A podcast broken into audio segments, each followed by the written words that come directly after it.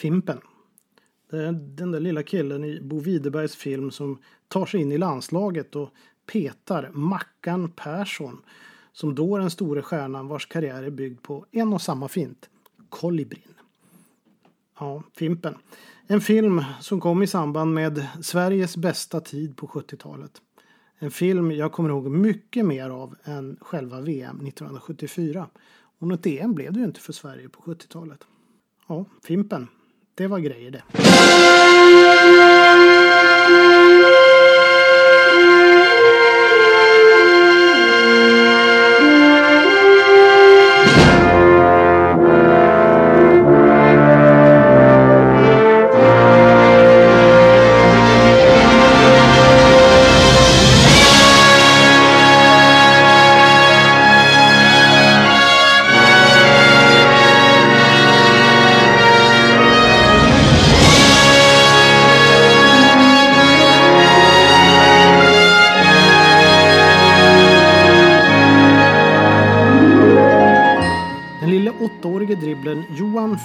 Bergman med det nästan snusförnuftigt bestämt buttra utseendet. Fimpen konkurrerade ut Mackan Persson vars berömda dribblingsfint gick då under namnet Kolibrin. Mackan Persson spelades av Magnus Härenstam i, enligt Härenstam själv, en av de största felkastingarna genom tiderna. Härenstam var nämligen hopplös med boll och överhuvudtaget inget idrottsämne. Enligt honom själv kunde han knappt gå snyggt i mjuka tofflor, än mindre i ett par dobbskor.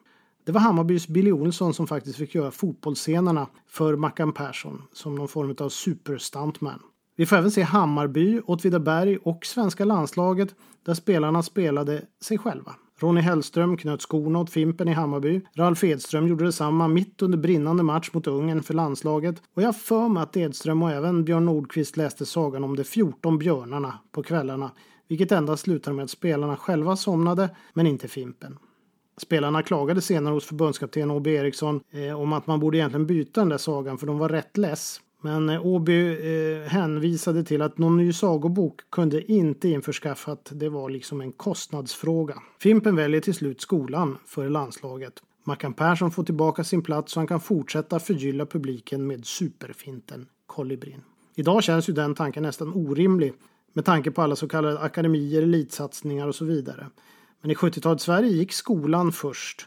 Och även om nu detta är fiktion, det rör sig trots allt om en åttaårig kille. Å andra sidan så är det väl där de börjar de här akademierna. Så fanns inte specialiseringen på samma sätt på den tiden. Noterade faktiskt i de nu visande dokumentärerna om Björn Borg hur skolan ovant fick hantera att Borg skulle sluta nian några månader tidigare för att bege sig till Rivieran för att spela viktiga matcher. Idag känns sådana lösningar nästan som självklara, men det var det inte då. Åtvidaberg, så Facits starke man på 60-talet Gunnar Eriksson konstaterade om man fick välja mellan att till Facit rekrytera en idrottsman jämfört med en icke-idrottsman, allt annat lika, så väljer man idrottsmannen. Det var just idrottsman han sa. Och syftet är att få in elit för att stärka bredden i företaget, klubben och samhället.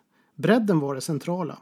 Nu är det nog tvärtom. Bredden ska förse eliten och det är på eliten fokus ligger. Två olika och tidstypiska fenomen med olika konsekvenser, både positiva och negativa. Under 60 och 70-talet tilläts till exempel inga spelare att växa till himlen. Alla var lika. Den som växer sig för stor trycks ner.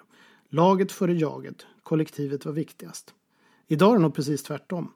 Du får växa till himlen, men ofta eh, handlar det om att andra ska tro att du verkligen kan. Idrottsfilosofi Facit har aldrig tvekat om svaret. I något räknar man idrotten som en del av den totala verksamheten. Men det får inte stanna vid tankar kring idrotten. Facits idrottsfilosofi har hunnit längre. Den är omsatt i praktiken.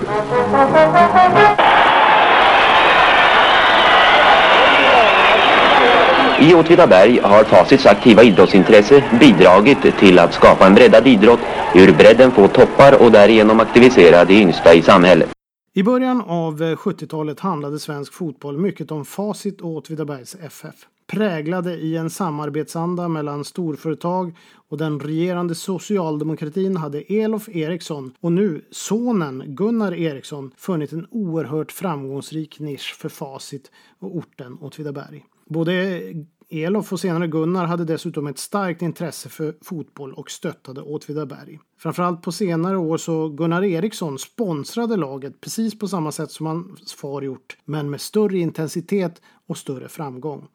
Problemet var bara att skillnaden var när eh, Åtvidaberg var som bäst. I början på 70-talet så höll facit på att gå under. Men det började under 30-talet då företaget växte kraftigt tack vare produktion av kontorsmaskiner, framförallt räknemaskiner. I början av 70-talet eh, skedde ett teknikskifte där elektroniska maskiner tog över. Facit hann inte ställa om och köptes upp av Electrolux 1972 och en era av det starka företaget på bygden som också sponsrade fotbollslaget var över.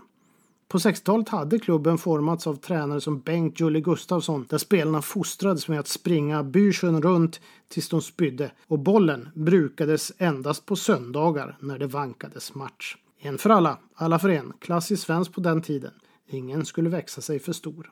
När Julle lämnade tog man med sig den andan men började jobba mer med boll. Stöttad av eh, Facit tog sig Åtvidaberg upp till allsvenskan 1967 efter 2-0 mot Sandvikens IF hemma på Kopparvallen. Därefter skulle klubben ta två titlar i Svenska cupen 1970 och 1971 samt två SM-guld 1972 och 73.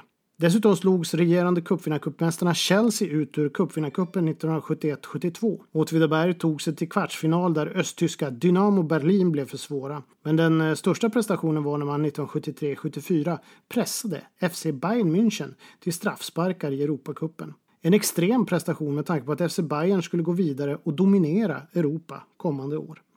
Till VM 1974 fanns där inte mindre än åtta spelare som spelade eller hade spelat med Åtvidaberg. Ralf Edström, Roland Sandberg, Jan Liljanne Olsson, Kent Karlsson, Jörgen Augustsson, Benno Magnusson och Conny Torstensson. I början av 80-talet åkte man ur allsvenskan för en längre period. Det skulle dröja till 2010 samt sedan 2012 innan det klassiska laget var åter i högsta serien. Tyvärr åkte man ur 2015 vilket ledde till föryngringar i truppen och nu är man inne i en period av återuppbyggnad. Facit med eh, dess starke man Gunnar Eriksson var ett utmärkt exempel på hur fotbollslag byggdes på den tiden. Och ofta med hjälp av en värvningsansvarig. Lasse Spjut hette han i Åtvidaberg. Åkte runt och förde anteckningar i sin svarta bok. Dammsög omgivningen på talanger. Exempelvis värvades unge Benno Magnusson, Roger Magnussons lillebror, från eh, Lilla Blomstermåla till Åtvidaberg. Spjut försåg 16-årig Benny med ett inackorderingsrum hos en gammal dam då det upptäckte att tonåringen inte klarade sig själv. Kunde inte ens koka kaffe eller steka ett ägg. Några pengar handlade det inte om. Benno själv trodde nog att det räckte med fagert tal och en snaps till maten för att övertala hans pappa. Spjut lyckades även knipa Ralf Edström bland många och den här gången från Degerfors. Ralf var nästan klar för Örebro i det laget och eh, Spjut insåg det och kastade sig i bilen för att i 25 graders kyla försöka komma hem till Ralf Edström. Han lyckades, men det innebar också att han hann köra ner i diket på vägen dit. Men väl framme erbjöds eh, Ralf Edström jobb på Facit. Betald lägenhet med möblering, toppmoderna möblering, möbler, en begagnad Volvo 142 som han var mycket stolt över, Ralf, och gratis mat på restaurangen Klinta, vilket innebar elefantöra fem gånger i veckan, det vill säga lövbiff med persiljesmör och eh, sannolikt pommes frites. Lasse Spjut genomförde över 80 värvningar för Åtvidaberg. Kombinationen starke man och värvningsstrategier där man erbjöd jobb och utbildningar var något de stora klubbarna i Sverige hade gemensamt på den tiden. De klubbar som bäst kunde erbjuda bra jobb, utbildning och framtid eh, var det som också fick de bästa spelarna. Därefter kom möjligheterna att kunna bege sig ut i världen som proffs. IFK Norrköping var länge, länge det främsta värvarlaget, men även Malmö FF med profilen Erik Persson, även Hövdingen kallad. Åtvidaberg förstås och så senare IFK Göteborg med Anders Rövan Bernmar, klubbchefen då, kanske i täten. Ja, i alla fall för att nämna några. Det fanns flera lag.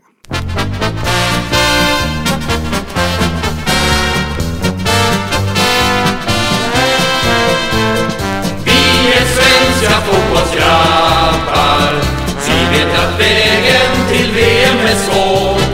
Talet gick utan tappar Och vi tänker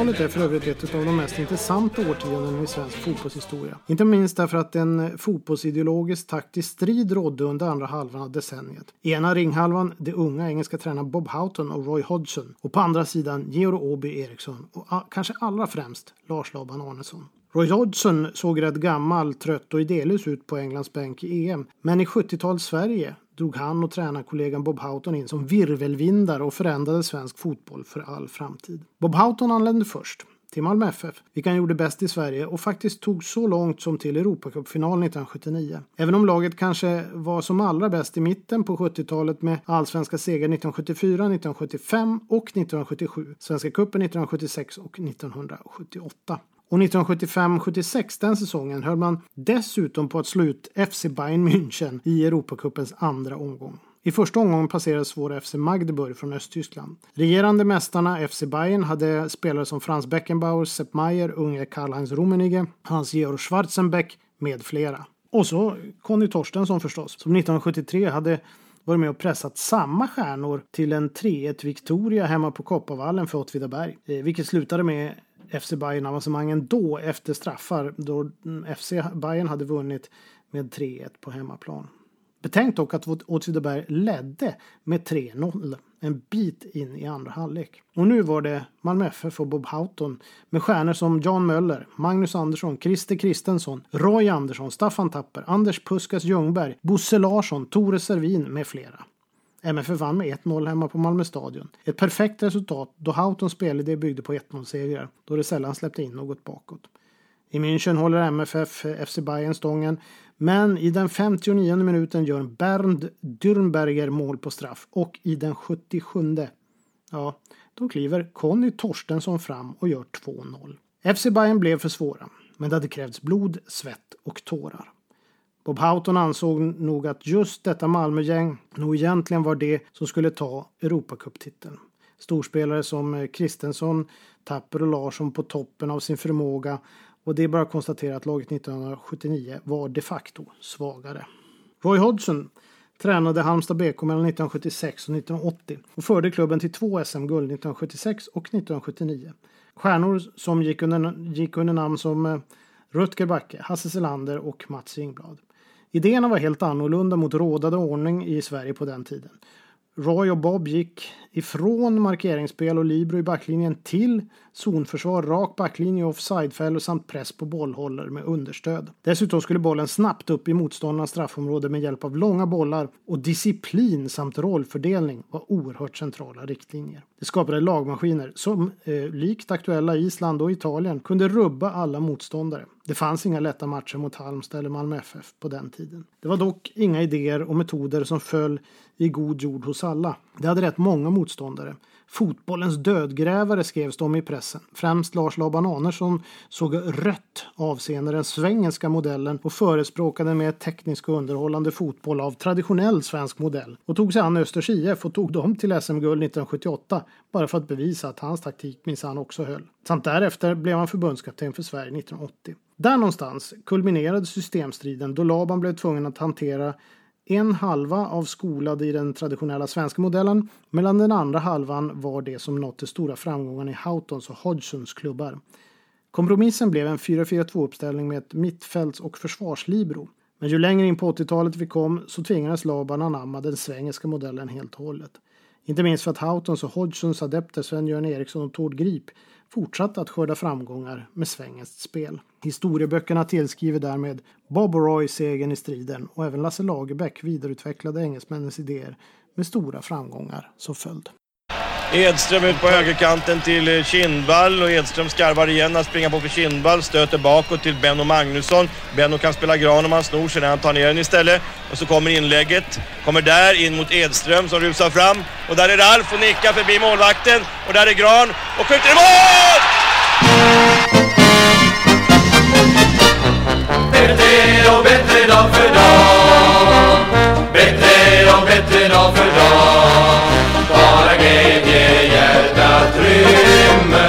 rymmer Skuld i sorgerna och alla bekymmer Om ställningen är svag så sjung med välbehag ah, ah, ah, ah, ah, Ja, det blir bättre och bättre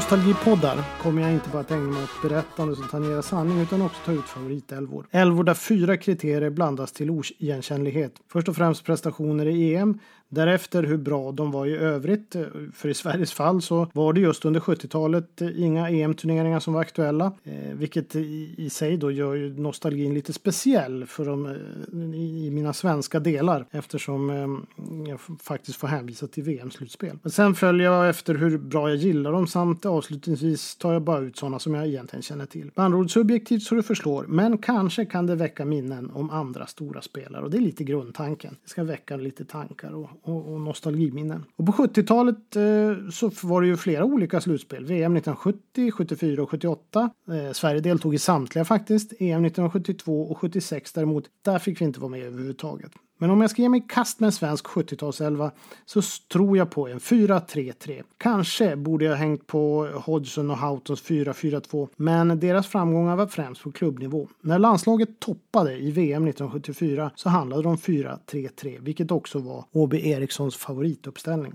Och här kommer laget.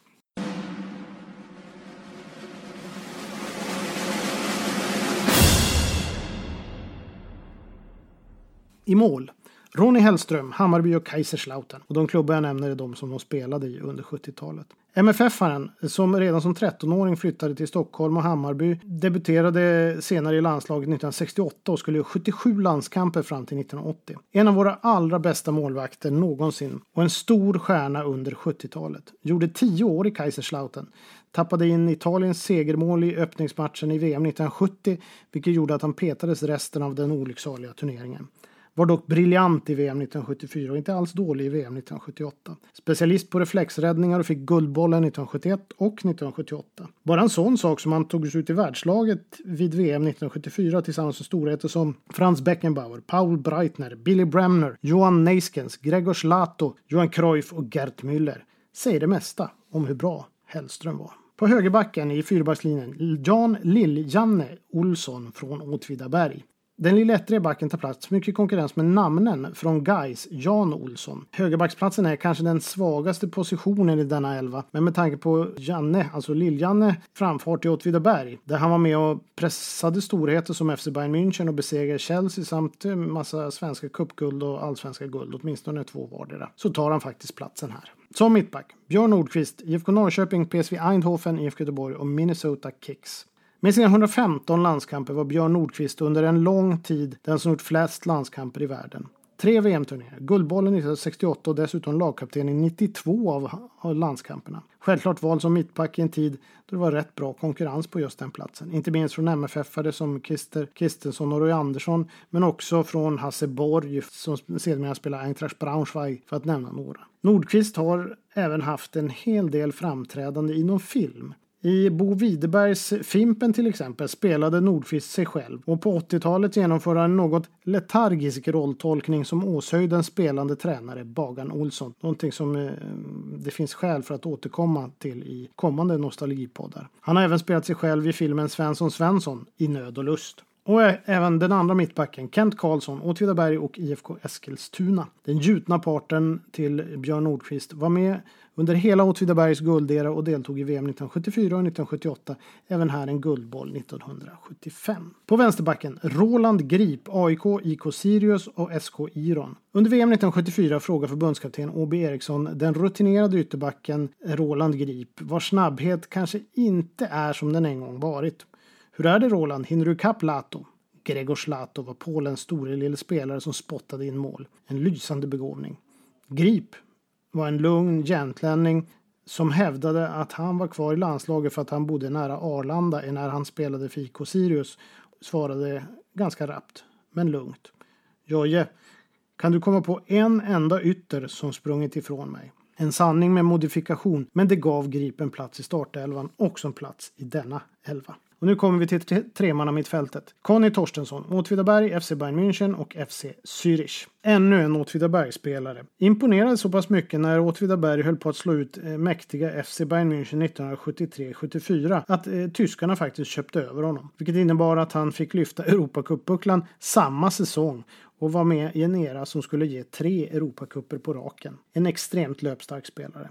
I mitten, Bosse Larsson, Malmö FF. Mittfältaren som styr allt är Bosse Larsson. Också med i 60-talslaget eh, som jag tog ut i en tidigare podd och en av Sveriges bästa spelare genom tiderna. Bosse hade allt och kunde användas vart som helst på plan, utom möjligtvis som målvakt. Den tredje mittfältaren, Staffan Tapper, Malmö FF. Eller Straffan Tapper, eller Tappan Straffer, som det också blev efter att ha missat den där viktiga straffen mot Polen i VM 1974. MFF han tar plats strax före Ove Gran. Två VM-slutspel blev det och han skulle också vara med och ta MFF till final i Europacupen 1979. Längst fram, tre forwards. Ralf Edström, Degerfors, Åtvidaberg, PSV Eindhoven, IFK Göteborg och Standard Liège. En av våra bästa med enorm vristspänst, men inte alls oäven på fötterna. Hans volleymål mot Västtyskland 1974 då kommentatorn Bengt Grive utbrister “Och vad är klockan?” är ett bra exempel på Edströms förmågor. Trots en lång proffskarriär kantades det hela av en rad skador och en del hävdar att Edström aldrig var riktigt fulltränad. Någonsin. Tillsammans med Björn Borg och Ingmar Stenmark en av 70-talets stora idoler. En sann begåvning och en sann stjärna. Också på i anfallet Ove Kinnvall, Feyenoord, IFK Norrköping och IFK Göteborg. Även med i 60-talslaget och eh, det är svårt att peta denna storstjärna under en period i slutet på 60-talet och början på 70-talet då det faktiskt saknades storstjärnor. Avgjorde ju Europacupfinalen 1970 för Feyenoord, bara en sån sak. Ove Kinnvall ska vara med. Och den tredje, Roland Sandberg, Åtvidaberg, Kaiserslautern och Kalmar FF. Lyckeby-Expressen. Snabbast i Sverige åtminstone på fem meter. Själv menar han att han eh, tänkte snabbare än alla andra. Ryckigt och knyckigt, men massor med mål. Allsvensk skyttekung 1971 och 1972. Han gjorde även 60 mål på 118 matcher för Kaiserslautern i Bundesliga. Spelare som var mer eller mindre, eller nära får man väl säga, några kanske borde ha varit med, det kanske ni tycker. Men jag nämner ändå några namn som kan ge lite nostalgivibbar. Ove Gran, Hasse Selander, Hasse Borg, Örjan Persson, Thomas Sjöberg, Tommy Svensson, Anders Linderoth, Christer Kristensson, Björn Andersson, Benno Magnusson, Inge Eiderstedt, Jörgen Augustsson, Claes Kronqvist, Sven Lindman, Thomas Ahlström, Göran Hagberg, Jan Möller, Thomas Nordahl, Tom Turesson, Roy Andersson, Lennart Lie Larsson, Danny Wendt, Magnus Andersson, Ingmar Erlandsson, Ronald Åman, Torbjörn Nilsson, Olle Nordin, Roland Andersson och Sanny Åslund. Och då är det dags att repetera mitt svenska All-Star team för 70-talet. Här kommer det. I mål. Ronny Hellström, Hammarby, Kaiserslautern. Fyrbackslinje från höger. Jan Liljanne Olsson, Åtvidaberg. Björn Nordqvist, IFK Norrköping, PSV Eindhoven, IFK Göteborg och Minnesota Kicks. Kent Karlsson, Åtvidaberg och Eskilstuna. Roland Grip, AIK, IK Sirius och SK Yron. På tremannamittfältet Conny Torstensson, Åtvidaberg, FC Bayern München och FC Zürich. Bosse Larsson, Malmö FF. Staffan Tapper, Malmö FF. Och längst fram en forwardslinje bestående av tre superstjärnor. Ah, superstjärnor kanske var att ta men tre stora stjärnor. Ralf Edström, Degerfors, Åtvidaberg. PSV Eindhoven, IFK Göteborg och Standard Liège. Ove Kinnvall, Feyenoord, IFK Norrköping och IFK Göteborg. Roland Sandberg, Lyckeby-Expressen från Åtvidaberg, Kaiserslautern och Kalmar FF. Och det var det för idag. Och eh, e EM-poddarna för Old School Football är inte slut.